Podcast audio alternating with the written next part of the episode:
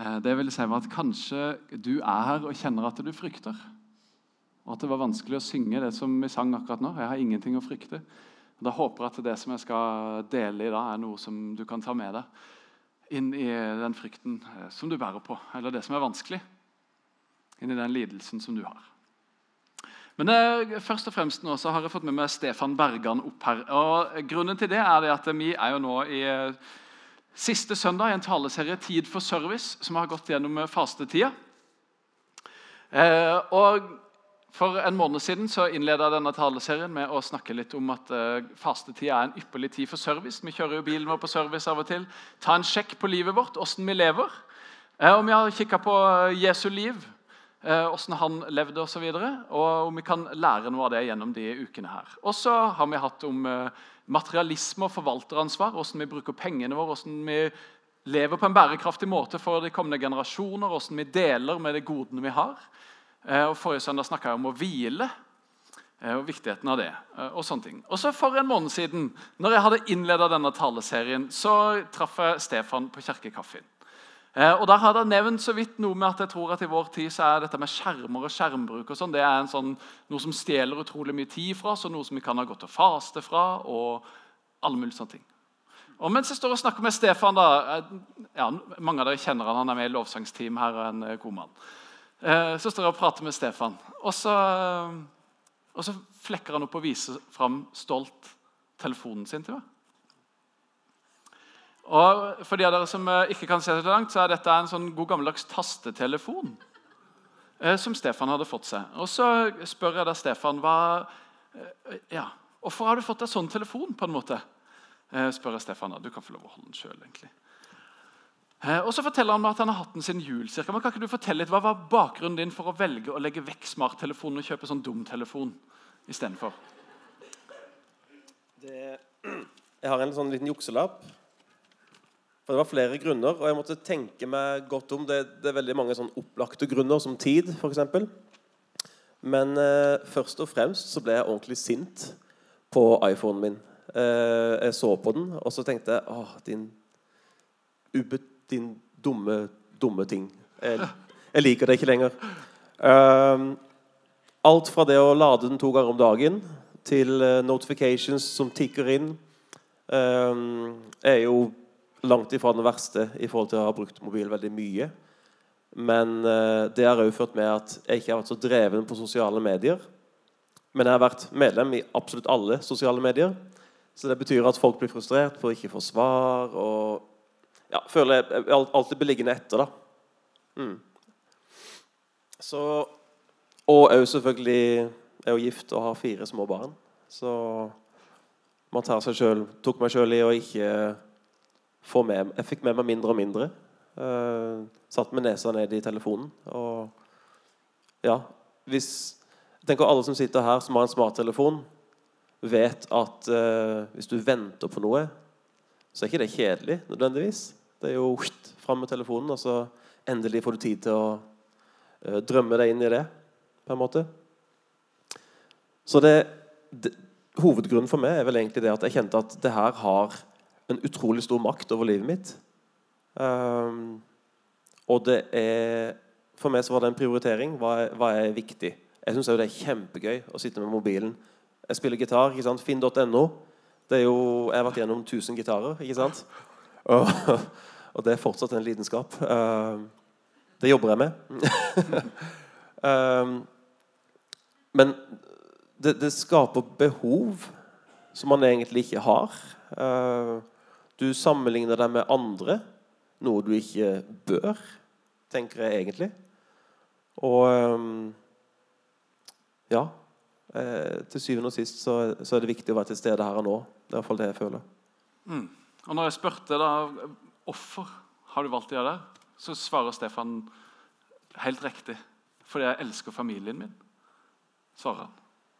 Og at de er viktigere enn å sitte og henge der. Og Da var jeg nødt til å utfordre Elise, kona til Stefan, på eh, Har du sett noen uh, forbedring og noen endring etter at Stefan valgte å legge vekk smarttelefonen uh, og finne noe annet? Og Så svarer Elise at ja, han er mer til stede.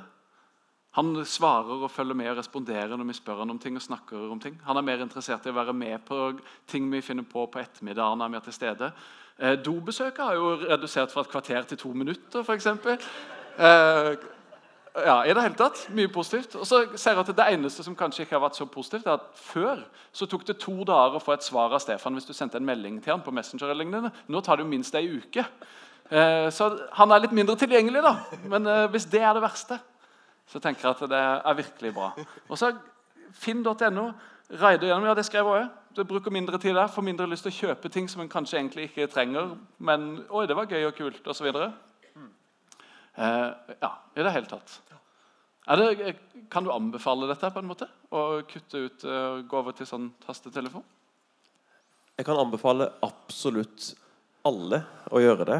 Uh, jeg tror det er utrolig mange som hadde tjent veldig mye på det hvis de hadde gjort det. For veldig mange så er det ikke et alternativ.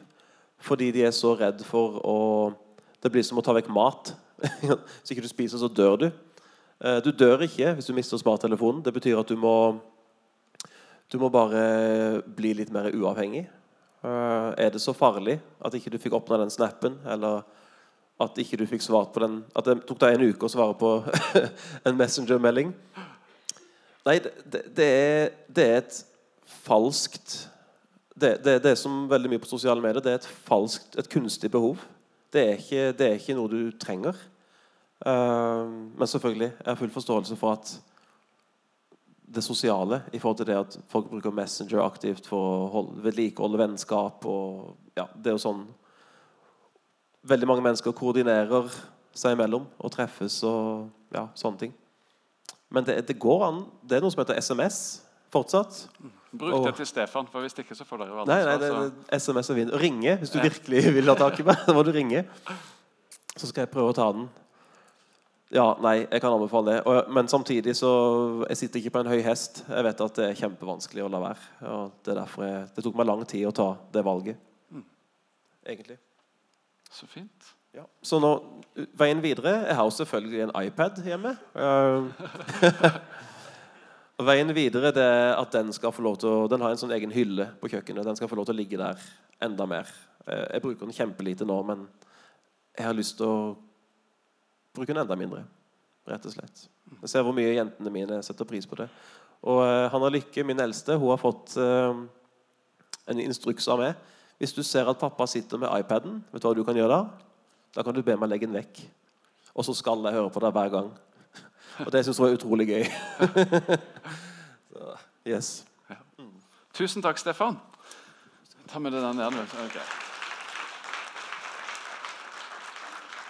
Nå har jo ikke han gjort dette i løpet av fastetida, men det kan være andre har prøvd andre ting. Vi oppmuntra til skjermfri uke forrige uke. Det kan være noen drista seg til å prøve på det. Eh, vi hadde det hjemme, og en av sønnene mine sa det var ikke så ille som jeg trodde. Eh, og de leste og perla og fant på andre ting. Så i det hele tatt veldig positivt. Men eh, ja, Stefan var innom noe rundt materialisme. I det hele tatt, Mange ting vi kan ta med oss, tenker jeg. Og Den første søndagen som eh, vi eh, gikk gjennom eh, Tid for service, så hadde jeg oppi dette sitatet her. At å faste det er å gi avkall på et mindre gode for å vinne et større. Det burde ikke være noen uaktuell tanke. Og Det er akkurat det Stefan valgte å gjøre når han legger vekk smarttelefonen fordi han vil vise at han elsker familien sin. Det er et større gode enn det han får gjennom skjermen. For eksempel. og Det er noe av det vi har hatt fokus på i løpet av de ukene her. Eh, og så har vi hatt et bibelvers oppe stort sett hver gang. der eh, I Matteus 11, 28-30 så sier Jesus.: Kom til meg, alle dere som strever og bærer tunge byrder, og jeg vil gi dere hvile. At Gud han er en kjærlig og god Gud som står med åpne armer, som er nådefull og som tar oss imot. Og som sier 'Kom til meg, jeg har det som du trenger'. Hos meg så kan du få hvile. Og Så gir han oss en utfordring etterpå til å leve sånn som han. Ta mitt åk på meg, på dere, og lær av meg for jeg er mild og ydmyk av hjerte. Så skal dere få, vinne, få finne hvile for deres sjel. For mitt åk er godt, og min byrde er lett, sier Jesus. Og Det er noe av det vi har prøvd å touche innom i løpet av de ukene som her har vært. Jesus han er frelseren.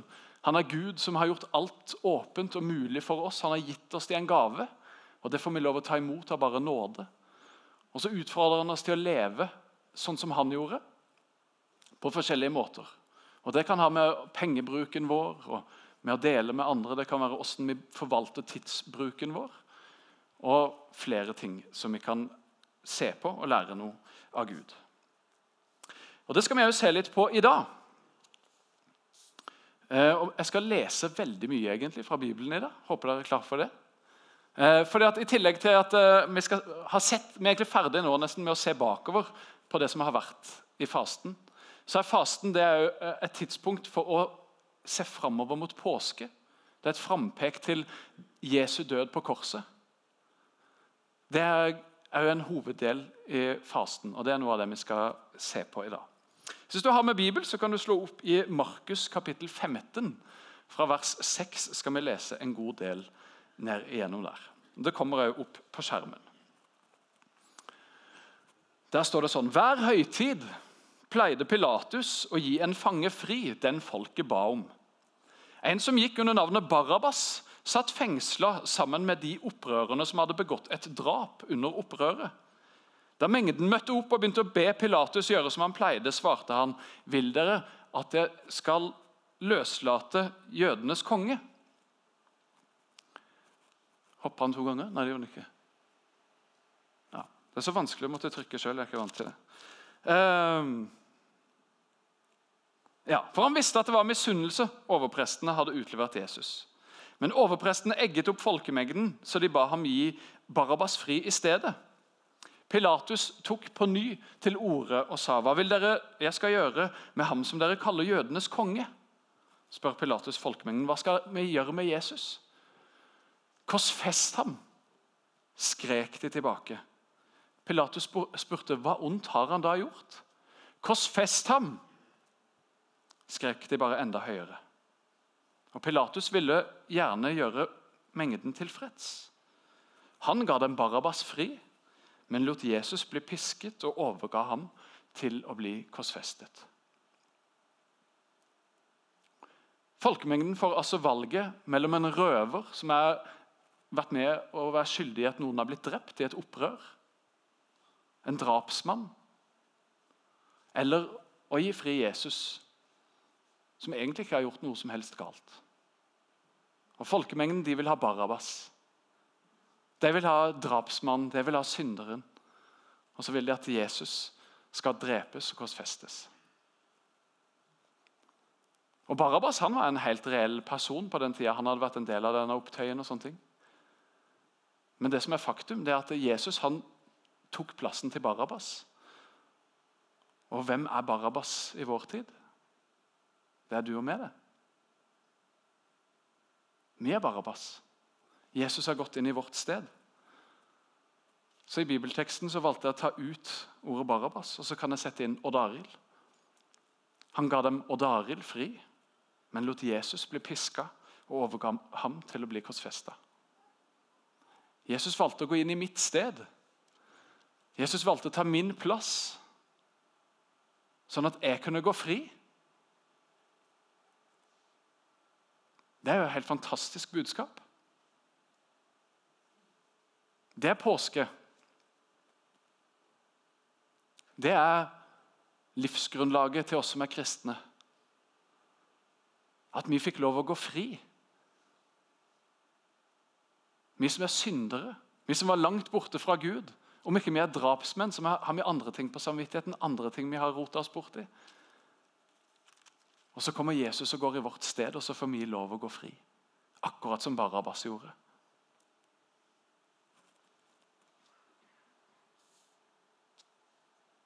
Så leser vi videre. Soldatene førte nå Jesus inn i borggården, i det som kalles pretoriet, og kalte sammen hele vaktstyrken. De kledde ham i en purpurkappe og flettet en tornekrone og satte den på hodet hans. Så begynte de å hilse ham. Vær hilset, du jødenes konge. De slo ham i hodet med en stokk, spytta på ham og la seg på kne og hylla ham.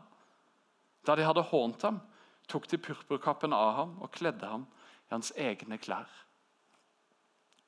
Så førte de Jesus ut for å korsfeste ham. Det var ved den tredje time, De korsfestet ham. Innskriften med anklagen mot ham lød 'Jødenes konge'.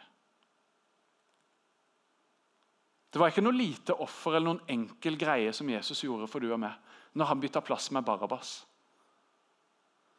Han var villig til å gå inn i lidelsen, han var villig til å bli slått med stokker. Han var villig til å bli piska, han var villig til å bli spytta på. Han var villig til å bli hånt, til å bli tredd en tornekrone nedover hodet. Han gjorde det, han ga avkall på sitt eget. og Hvorfor gjorde han det? Jo, For å vinne et større gode. Og hvilket gode var det han skulle vinne? Ja, det var du og meg. Det var hele verden. Alle menneskene som har levd. De var Jesus villig til å la seg piske for, til å bli hånt for, til å bli spytta på. Han gjorde det for du, og han gjorde det for meg. Jesus er vår lidende tjener, som ga avkall på sitt eget, som satte sin egen vilje til side for å gjøre Guds vilje, for å vinne et større gode, for å vinne du og meg.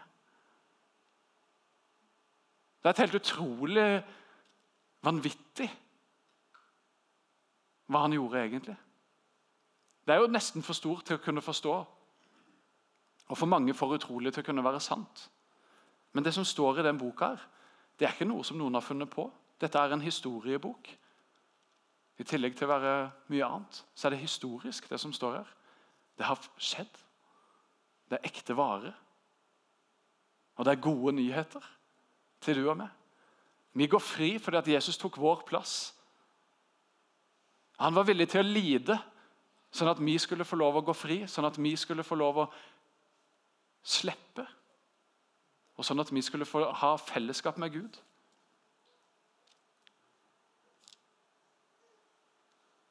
Det er fantastisk. Han var villig til å bli nagla til et kors for din og min skyld. Da den sjette time kom, falt det et mørke over hele landet, helt til den niende time. Og Ved den niende time ropte Jesus med høy røst, Eloi, Eloi, lema sabachthani. Det betyr, min Gud, min Gud, hvorfor har du forlatt meg? For første gang i Jesu liv så erfarer han hva det vil si at ikke Gud er nær, at ikke Gud er til stede, at ikke Gud er hos ham. Men Gud kunne ikke være hos Jesus når han ble nagla til korset, når han betalte for din og min synd. For alt det gale som vi har gjort. For Gud er allergisk mot synd. Gud tåler ikke synd. Og Når han ser sin egen sønn henge på korset og betale for all verdens synd, så er Gud nødt til å snu seg vekk. Han kan ikke se på, han kan ikke være nær sin egen sønn. Og Jesus henger der alene og forlatt og bærer all verdens synd. Han bærer ditt og mitt liv. Han bærer all vår skam, all vår skyld, all vår smerte, all vår sorg, all vår lidelse. Alt det vi går igjennom og opplever av vonde ting i livet.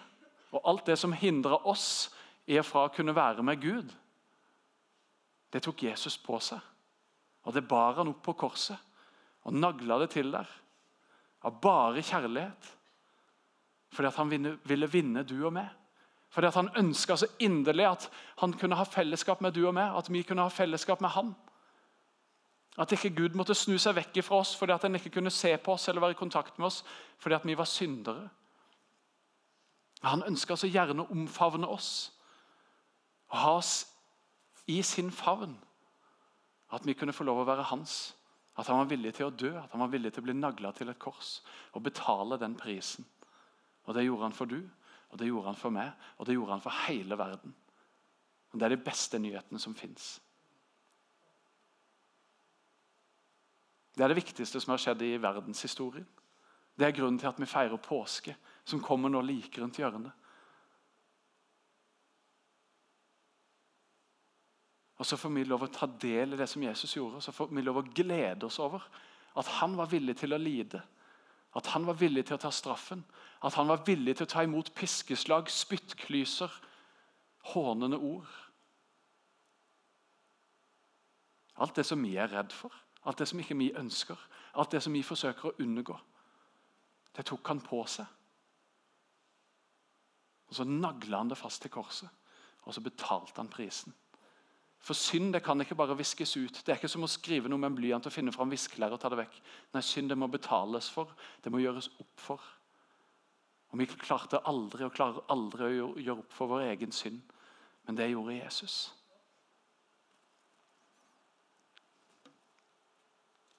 Det gjorde Jesus. Han betalte for oss.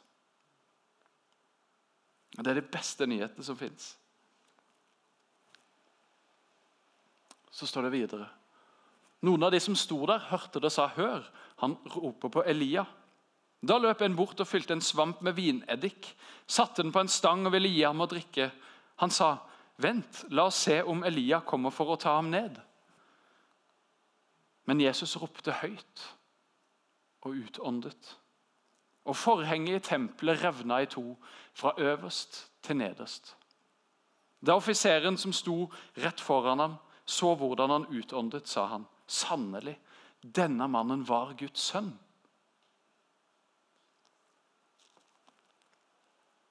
Og Når Jesus henger der på korset, så revner forhenget inn til det aller helligste i tempelet. Det som har skilt menneskene fra Gud. Det var bare Gud som kunne bo i det aller helligste. Og Inn der var det én mann, øverstepresten, som fikk lov å gå én gang i året for å sone, for å gjøre offer for våre synder, for menneskenes synder. Men plutselig er det en som har villig gitt sitt liv til å betale prisen som vi skulle betalt. Og til å åpne den veien hjem til Gud. Så han revna, Forhenget revna i to, og veien er plutselig åpen. Og prisen er betalt. Og Plutselig er det åpent for du og meg til å komme inn til det aller helligste. Til å komme helt til Gud. Til å komme helt innenfor hans trone, og veien går gjennom korset. Veien er ikke lenger igjennom å gjøre alt riktig, eller at noen går inn i det aller helligste en gang i året. Nei, vi får lov å komme inn i det aller helligste hver eneste dag. Vi får lov å være i det aller helligste akkurat nå. Helt innenfor Guds trone. Av bare nåde. Kun pga. det korset og det verket Jesus gjorde. At han var villig til å lide, til å ta på seg all verdens synd og død og smerte. Han gjorde det for din og min skyld. Han betalte for du og meg. Og Det er fantastisk, og det er frelsen. Og Det er Guds verk, og det er en gave som vi får lov å ta imot. Og det er helt nydelig. Jesus han er vår frelser. Men i tillegg til å være vår frelser, i tillegg til å være den eneste sanne, levende Gud som betalte vår pris, som betalte offeret, som var villig til å lide, så jeg stille spørsmålet kan vi lære noe av Jesus. Gjennom lidelsen han gikk gjennom, gjennom det offeret han valgte å gjøre. Jeg tror Svaret er litt todelt. For På den ene siden er svaret selvfølgelig nei. Vi kan aldri bære all verdens synd sånn som Jesus gjorde. Vi kan aldri ta Jesu plass eller gjøre Jesu offer. Han gjorde det for oss. Men på den andre sida så tror jeg at svaret er ja. Vi kan lære noe av å lide. Vi kan lære noe av å være villig til å ta på oss lidelse. Til å gi avkall på noe av vårt eget for å vinne et større gode. Akkurat det fasten handler om, akkurat det Jesus gjorde. Du og meg vi kan være villige til å lide, og så lever vi i en sånn tid der vi ikke vil ha lidelse. Vi vil ikke ha smerte, vi vil ikke ha noe vondt, vi vil ikke ha noe motgang. Så fort vi kjenner på det, så forsøker vi på ulike måter å flykte fra det. Og Jeg tror at vi taper så enormt mye på å ikke ta imot lidelsen på ikke å våge å gå inn i lidelsen og gå gjennom lidelsen. Jeg er overbevist om at i lidelsen så finnes det skjulte skatter. Det fins skjulte skatter i mørket som vi går glipp av. Hvis vi hopper bukk over lidelsen, hvis vi hopper bukk over de vanskelige tinga. Og jeg har ofte tenkt sånn, Noen ganger når vi feirer påske, så har vi påskefest. Andre påskedager vi feirer Jesu oppstandelse. Men så har vi hoppa bukk over skjærtorsdag, over langfredag over den helt tomme påskeaften. Der disiplene sto og klødde seg og lurte på hva skjer nå. Og så tror jeg vi hopper bukk over så mye gull over så mange skatter, over så mye godt, ved å ikke våge og ikke ville gå inn i lidelsen, og gå inn i smerten og gå inn i det vonde som vi kjenner på i våre liv. Hvis vi forsøker å flykte fra det, hvis vi forsøker å døyve det, snike oss rundt og gå utenom og forbi eller fornekte, så er jeg overbevist om at vi taper enormt mye. Og jeg tror heller ikke at vi vil finne friheten, at vi vil finne sannheten. Jeg tror at lidelsen er en måte for oss å vokse i vår relasjon med Gud, i å vokse som mennesker. Ja, det er å tørre å gå lidelsens vei. Så vil vi kjenne at vi vokser. Jeg tror det er helt nødvendig mange ganger. At vi våger å gå inn i det som er vondt. At ikke vi stopper opp og slutter å leve fordi noe blir vondt. Og så har vi Jesus, som vet alt om hva lidelse er. Som kjenner din situasjon ut og inn.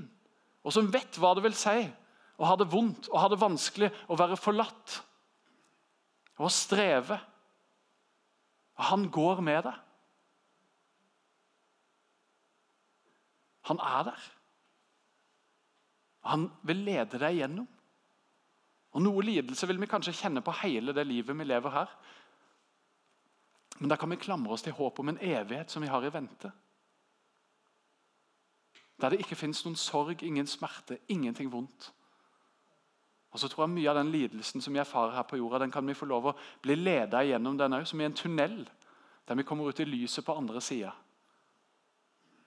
Forrige uke så delte jeg litt av min historie om hvor viktig hvile har blitt for meg for å erfare Guds nåde i mitt liv. Og Før det så gikk jeg gjennom en sånn mørk tunnel som jeg delte litt om. Der jeg lå på sofaen i fosterstilling, og livet kjentes tomt og dødt.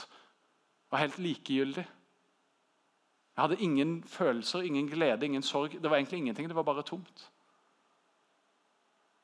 Og Så leste jeg en bok, en bønnebok her, hva jeg hadde skrevet. Sikkert kanskje på en av de litt bedre dagene, men jeg takka Gud for at jeg fikk lov å kjenne på det virkelige livet. For ting blir så ekte, det blir så nakent, det blir så sårbart når en kjenner på smerten, når en kjenner på sorgen, når en kjenner på det vonde i livet.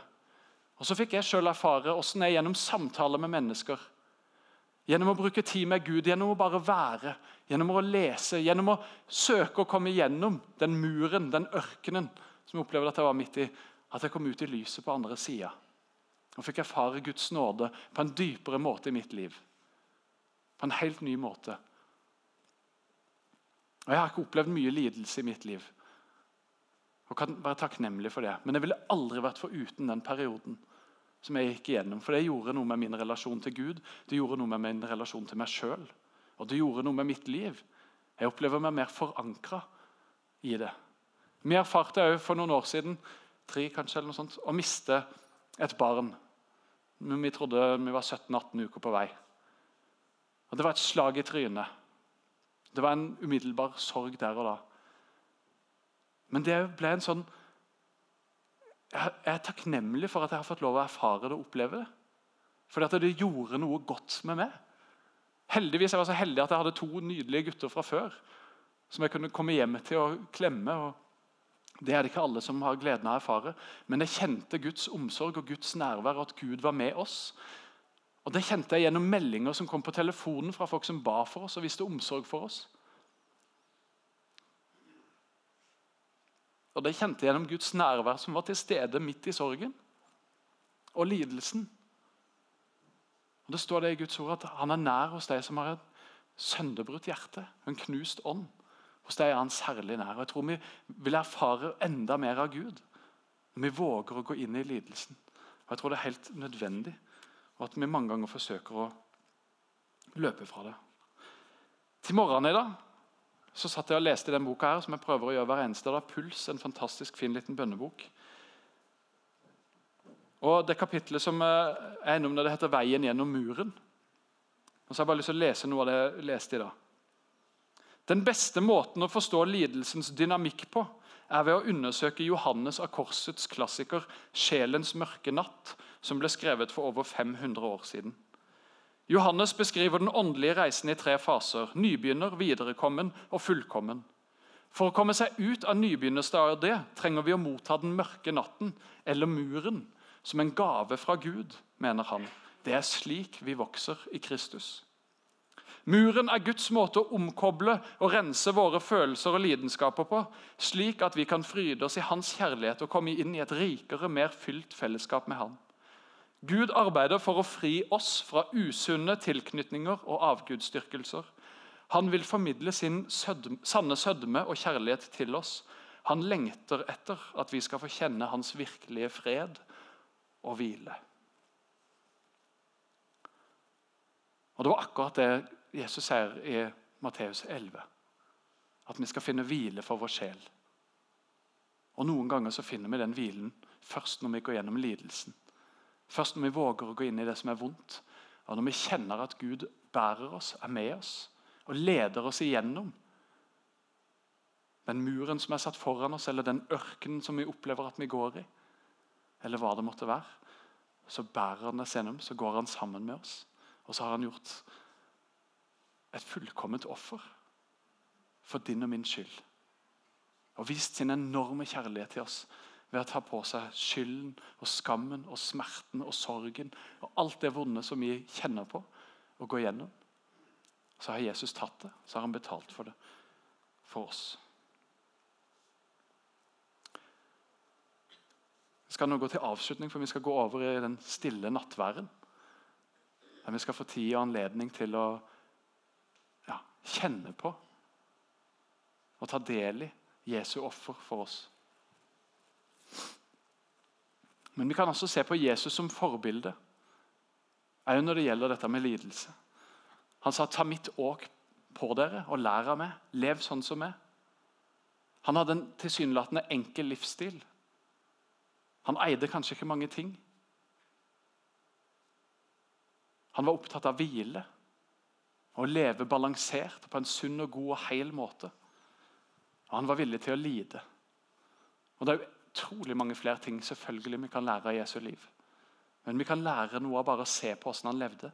Og Han oppmuntrer oss og oppfordrer oss til å leve sånn som meg. Da vil dere finne hvile for deres sjel. En varig hvile, ikke bare et drypp her og der, men noe som du kan leve på, og som bærer det. Mest av alt så er Jesus din og min frelser, hele verdens frelser. Han er vår redningsmann. Han er den som er villig til å betale prisen, til å dø på korset, til å ta alt på seg. Og vi får lov å ta det imot som en gave. Vi kan få lov å bare komme fram og si takk. Jeg tar det imot. Jeg vil ha det. Og Det er det nattværen er et symbol på. Og Det er det nattværen er til minne om. Det er Jesu død på korset, der hans kropp ble knust for oss. Der hans blod ble utøst for din og min skyld.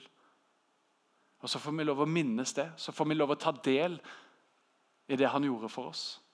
Og så er det en gave til oss som vi kan få lov å komme fram og ta imot og ta del i.